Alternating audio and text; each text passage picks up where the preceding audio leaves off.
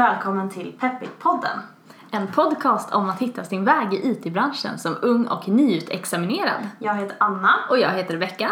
och med oss idag har vi också Kristoffer. Ja! Ja. Välkommen tillbaka Kristoffer. Tack så mycket. Du får introducera dig själv lite kort här för de som kanske har missat förra avsnittet. Ja, just det. Eh, mitt namn är Kristoffer och jag har pluggat tillsammans här med Anna och Rebecka i systemvetenskap. Mm.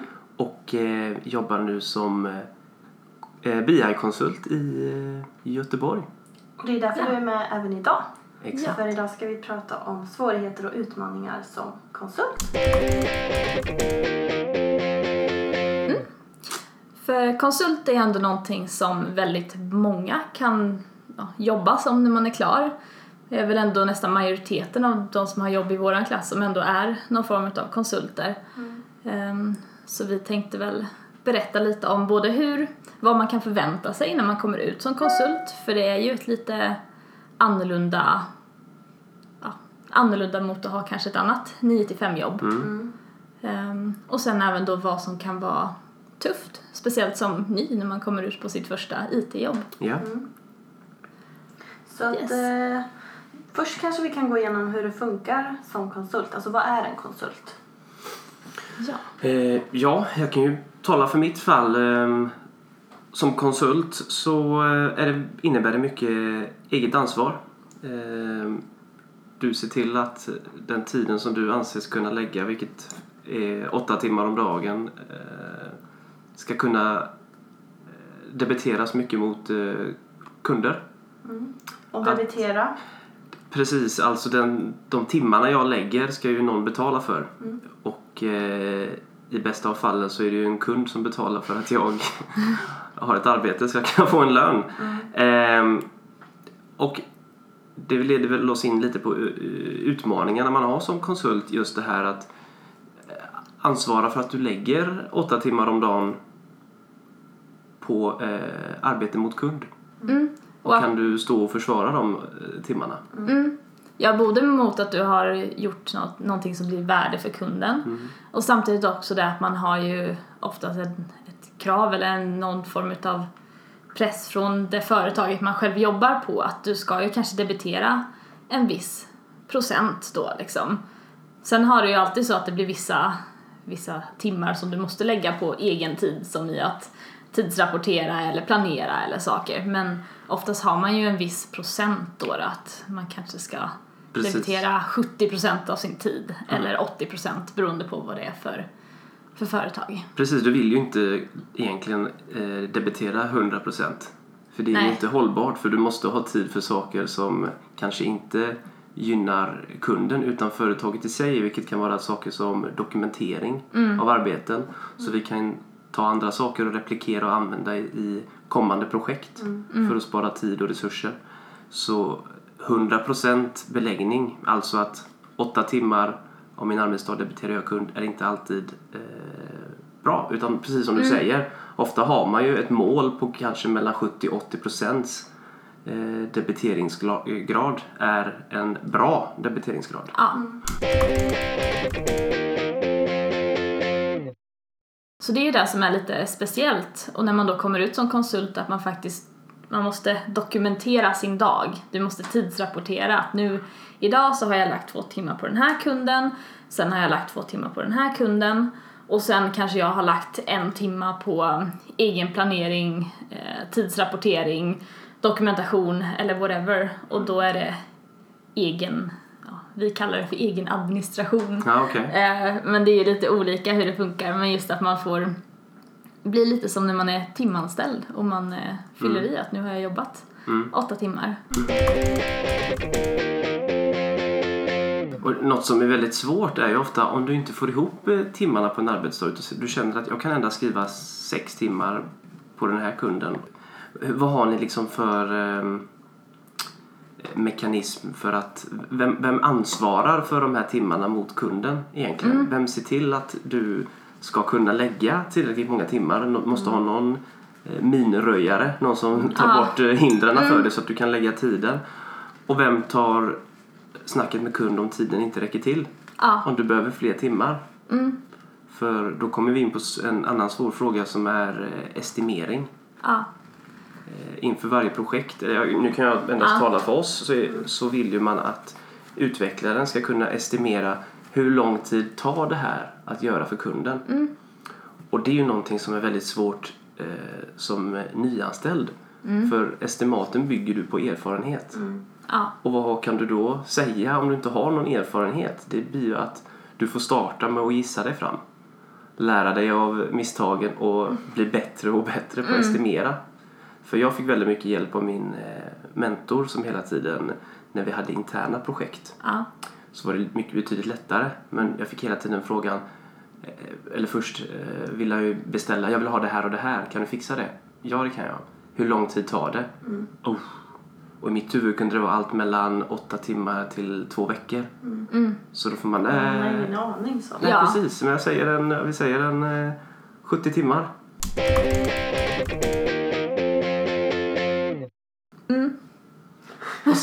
Ja.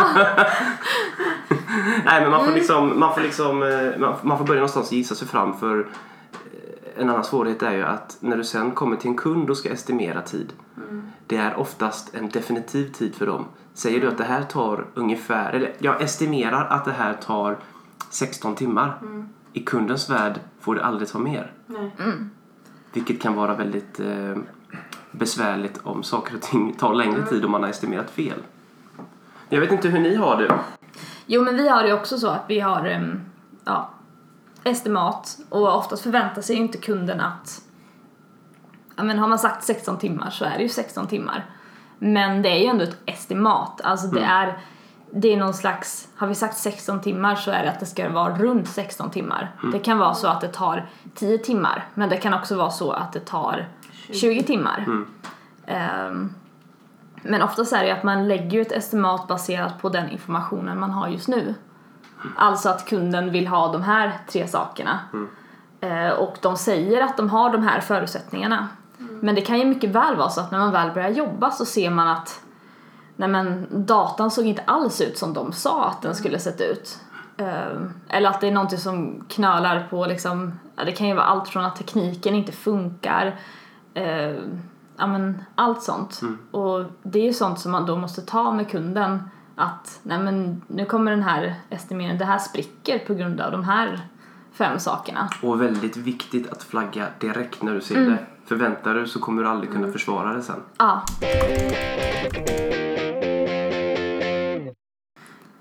Men en fråga där då. Eh, Hur var det liksom när ni kom ut och var helt gröna så? Eh, Alltså, vad var förväntningarna på att ni skulle debitera? Och liksom hur såg kunden på att ni var nya? Eller visste de om det? Och liksom, tog ni liksom för varje timme ni jobbade för dem eller?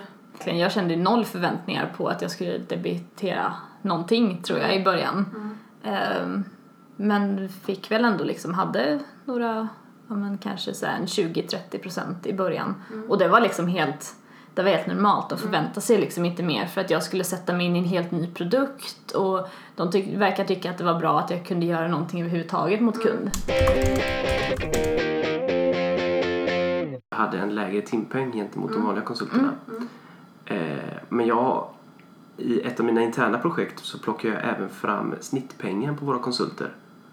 Vilket blev väldigt påverkat när jag gick in och gjorde projekt på en låg timpenning. Den eh, drog ju ner våran snittpeng på hela bolaget eh, en hel del. Så vi slutade med det. Eh, och gjorde istället så att jag fick en eh, normal, får man väl säga, eh, timpeng. Och att jag la väl fler timmar men debiterade för färre. Ah, Så en del av timmarna fick väl anses som utbildning då för jag var tvungen att lära mig nya saker. ah, Så man fördelade på två poster egentligen då. Så att timpengen blev eh, rätt och den drog inte ner eh, snittpengen på bolaget utan den bibehöll. Eh, så det finns ju lite olika saker att, eh, att trockla med det men det viktiga är ju att man får man får verkligen eh, att man får den hjälpen som man behöver. Att du har hela tiden kompetensen runt om dig. Vilket är riktigt bra när man arbetar i kontorslandskap och hela tiden har en bra kompis att, att eh, ta lite frågor med och få lite expertis väldigt snabbt. Ja, man behöver ju inte gå och leta efter någon för det var det både du och jag, Kristoffer, sitter ju liksom i kontorslandskap så vi Ja. har liksom inga egna kontor utan det betyder att behöver du be någon om hjälp så kan du praktiskt taget bara ja, peta den som sitter bredvid liksom. Ja, du. Störa lite. Ja. Jo men det är jätteviktigt för det är ett väldigt effektivt sätt att, eh, att sprida kunskap. Att du inte behöver skicka mejl eller boka tid för att få ut den här kunskapen. Utan du, det räcker med eh, några minuters eh, konversation ja. så har du det. Ofta. Jo, och så jobbar ju väldigt, alltså även de som har jobbat länge frågar ju varandra om råd. Alltså att, ja men hur skulle du göra med det här? Eller framförallt det här med estimat som vi pratade om, att det är ofta så att man rådfrågar sina kollegor för att det kan ju vara att jag kanske inte har jobbat med just, jag har inte gjort ett sånt här projekt innan, men min kollega här bredvid har jobbat med det och det tog si och så många timmar. Att den personen kanske, att man får lite input från andra när man är osäker själv. Mm. Det är jättebra. Absolut. Och att man inte är rädd för att fråga i början. Alltså just att man faktiskt, det finns liksom inget, inget ego. Alltså att jag måste, jag måste fixa allting själv utan att det är mycket bättre att vara ödmjuk och ärlig kring sina begränsningar. Alla har varit där med. Alla har startat så. Ja. Ja, Så jag, kan, precis som på ditt, det är likadant på mitt arbete. Alla är väldigt hjälpsamma och förstår att man inte kan allt. ja, Och att man kommer till dem är ändå att det visar ju liksom att Ja, Intresse. ja, intresse och att ja, du kommer till mig för att jag kan det här. Det, det, då kan man bli lite glada Ja. liksom, för att ja, det är klart jag hjälper dig. Så det är, nej, som du säger, inte vara rädd för att fråga. Absolut inte. nej. För det tyckte jag var utmaningen med att, att börja liksom som ny konsult. tid, så, liksom. Att ta tiden, ja. Och jag hatar ju att fråga och har alltid tyckt att det var jättejobbigt liksom genom hela så här, skolan och sånt. Och jag har oftast inte behövt fråga så mycket. Men nu när man kommer ut då måste man ju våga fråga. Nej, Det är många gånger som jag själv har fått eh, stoppa ansiktet i handen för att det var så lätt att lösa. Fast jag visste bara inte hur. Och så Ja. frågar man, jo men du, du, ty- du klickar bara här. Jaha, så är det klart liksom. Precis. Så det, det kan vara allt från det simpla till det avancerade och det, som ni säger, var inte rädd för att fråga för du vinner bara tid på det. Yes. Men om vi ska gå vidare och kika lite på, eller prata om fördelarna med att vara konsult. Mm. Men det är egentligen det som är fördelarna känner jag att eh, du kan distribuera din tid lite hur du vill. eh, Oftast. Sen har du väl rekommendationer från bolaget när de vill att man ska arbeta. Men ibland kan det vara så att du behöver lägga 10-12 timmar en dag för att bli klar med vissa grejer som ska vara klart. Och så nästa dag så kan du gå, kan du gå lite tidigare. Och det är ju väldigt skönt att känna att det blir väldigt anpassat efter, eh, efter din prestation på ett annat sätt. Du har inte det här 8 till 5 och sen stämplar du ut utan det är, lite, det är lite svävande och du ska hela tiden kunna växla upp och ner och Du måste inte sitta av din tid. nej, Nej. precis. Den just. Sen kan det också vara svårt för det gör ju att du måste prestera på topp. Alltså det blir, om man har ett jobb där man ändå, vad ska man säga, det spelar ingen roll hur mycket du gör under en dag. Eller så här, det blir i alla fall inte riktigt lika påtagligt. För du måste inte tidsrapportera din tid lika noga, noggrant. För det, här ser man ju oftast väldigt tydligt i slutet på dagen liksom om jag ja, har jag gjort någonting av värde för kund? Den där pressen. För det är just det, inte bara debitering men att har jag gjort någonting av värde? För att det är ju det man egentligen strävar efter. Man vill ju ha en nöjd, en nöjd kund och känna att man gör ett bra jobb. Men jag tänker liksom att man får lite andra förutsättningar med förmåner och sånt när man jobbar som konsult. Ja, eller det är väl kanske mer förmåner som man kan ha genom att jobba alltså, privat i allmänhet. Ja. Alltså hur... Ja, men det är ju saker som hur mycket man har i friskvårdsbidrag till exempel. Eller om man har en tjänstebil eller sådana saker. Bonusar och... Ja, för vissa företag Ja, har ju det också. precis. Vi har till exempel rekryteringsbonusar. Så mycket sådana bonusar. eh, Så det är inte bara att man eh, har friheten. För det är också en grej. Jag kan jobba hemma ibland om jag känner för att eh, jag är lite krasslig. Jag skulle kunna jobba men jag kan stanna hemma för jag kan utföra alla mina arbetsuppgifter hemifrån och inte smitta någon till exempel. Eller att jag är eh, på resande fot och kan utföra arbeten. Men sen är det ju ganska mycket förmåner oftast med att eh, arbeta som eh, konsult. Vi har ju till exempel eh, rikskort som jag brukar storhandla för. Det Mm. funkar ju på ICA-butiker och sånt med. Till att vi får eh, nya, två nya ett, eh, etanskjortor Ja. varje år och en gång i månaden vi. Måste ni ha skjorta då förresten? Ja, vi Ja. måste ha eh, skjorta. Måste ni ha kavaj också? Eh, nej, men Nej, eh, många bär det. Mm. Eh, Mycket kavaj i alla fall. eh, När man lämnar kontoret speciellt och till kunder och sådär. Men på kontoret är det mest skjorta oftast. Mm. Och så. Nej, så det kan vara lite sådana förmåner. Vi till exempel har ju mycket... mm, Varje månad så har vi månadsträffar. Mm. Då har vi alltid en aktivitet, vilket kan vara allt från att åka go-kart till att Ah. spela boll. Och då går vi ut och käkar och har en öppen bar oftast då, som man, med hela En gänget. gång i månaden? En gång i månaden. Oj, det var... Wow. Kul. Ja. Ja. Du får ju berätta också vart ni var nyligen. Ja, just det.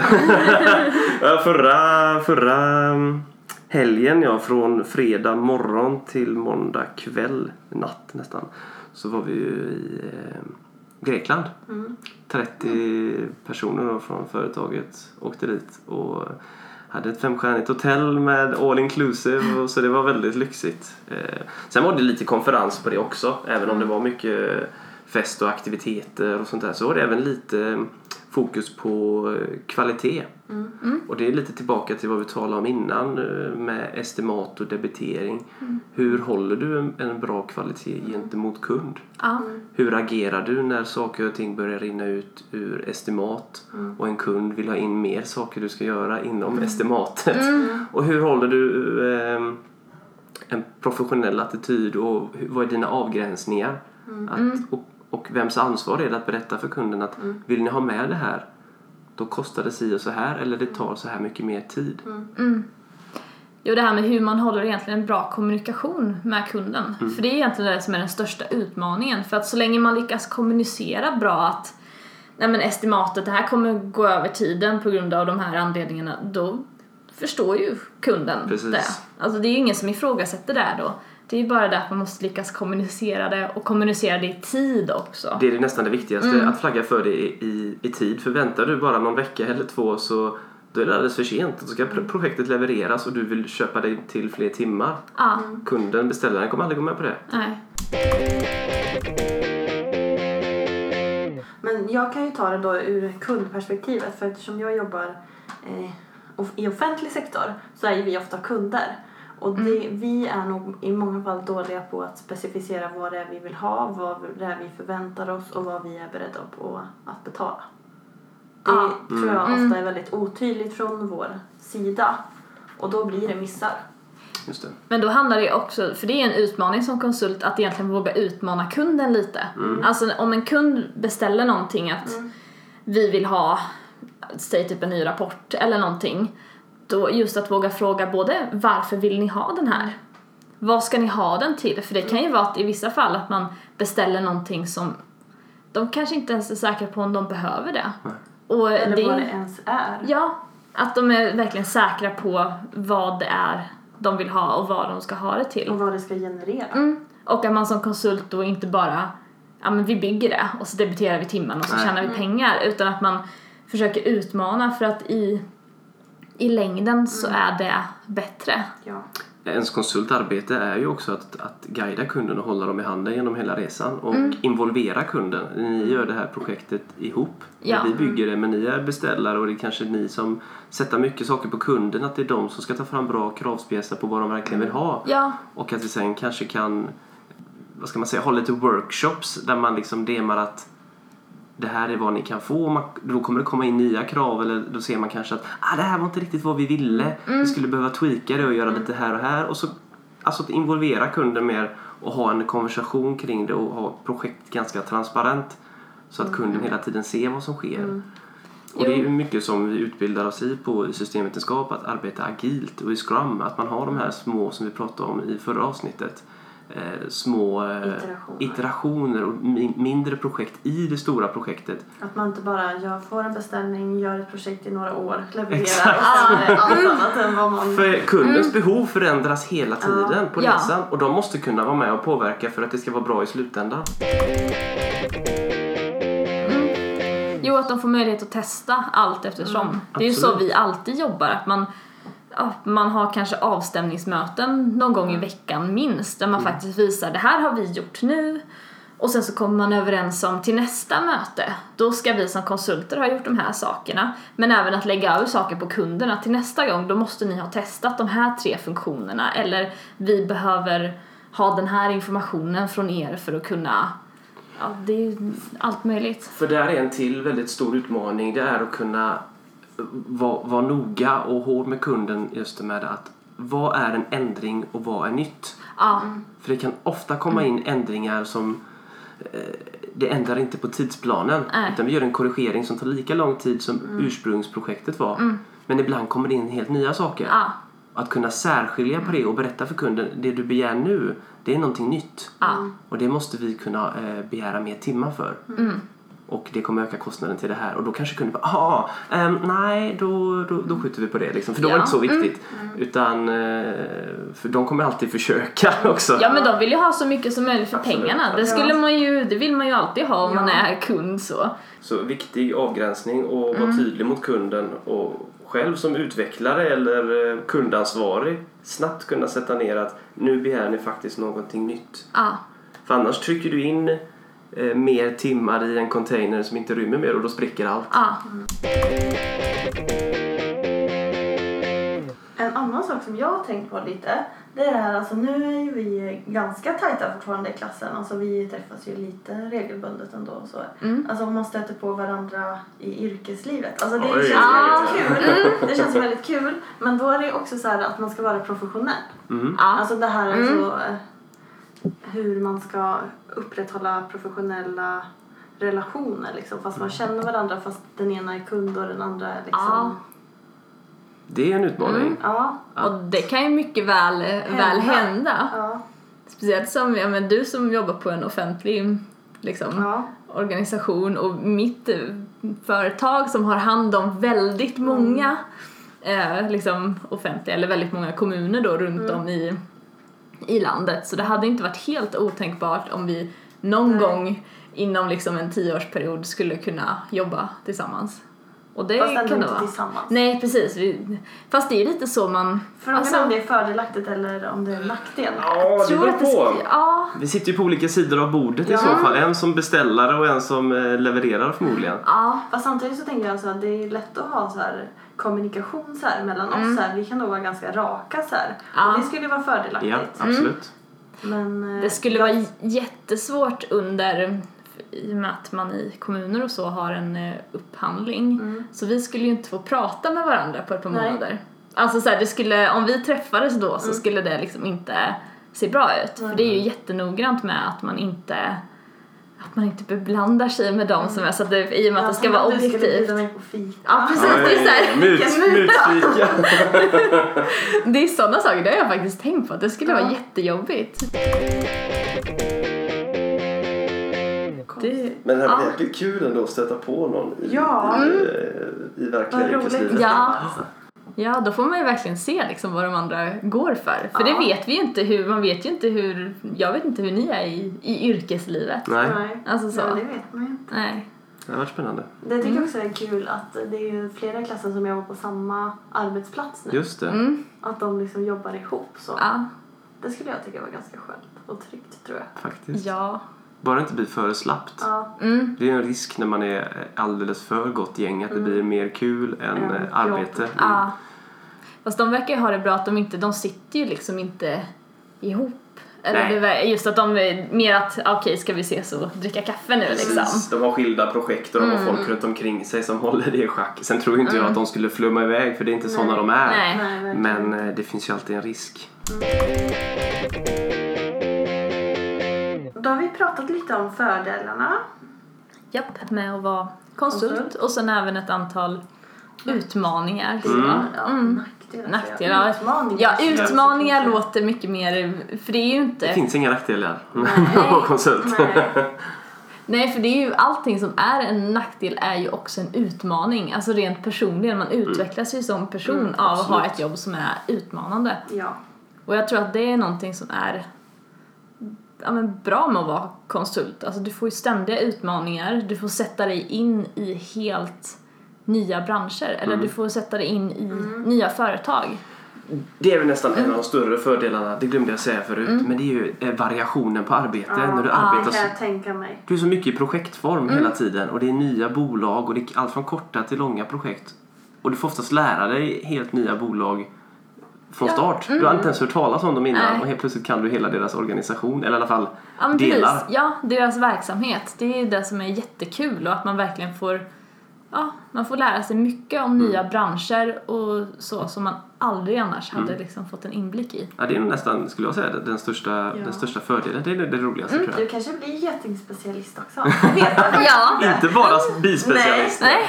Det, det är kanske en eh, biodling som Ja. vill ha Oj. BI. Det, det hade varit kul. Undrar man kan gå på de arbetsintervjuerna. Ja. Men det var väl egentligen det vi prat- tänkte prata om idag. Ja, Mm. det var väl det. Men det var väl allting för idag. Ni får ha det så bra till eh, nästa avsnitt. Och då är det vårt sista innan sommaruppehållet. Ja, precis. Så, Så. ehm, ha det så bra tills dess. Ja, hej då! Hej då! Hej då!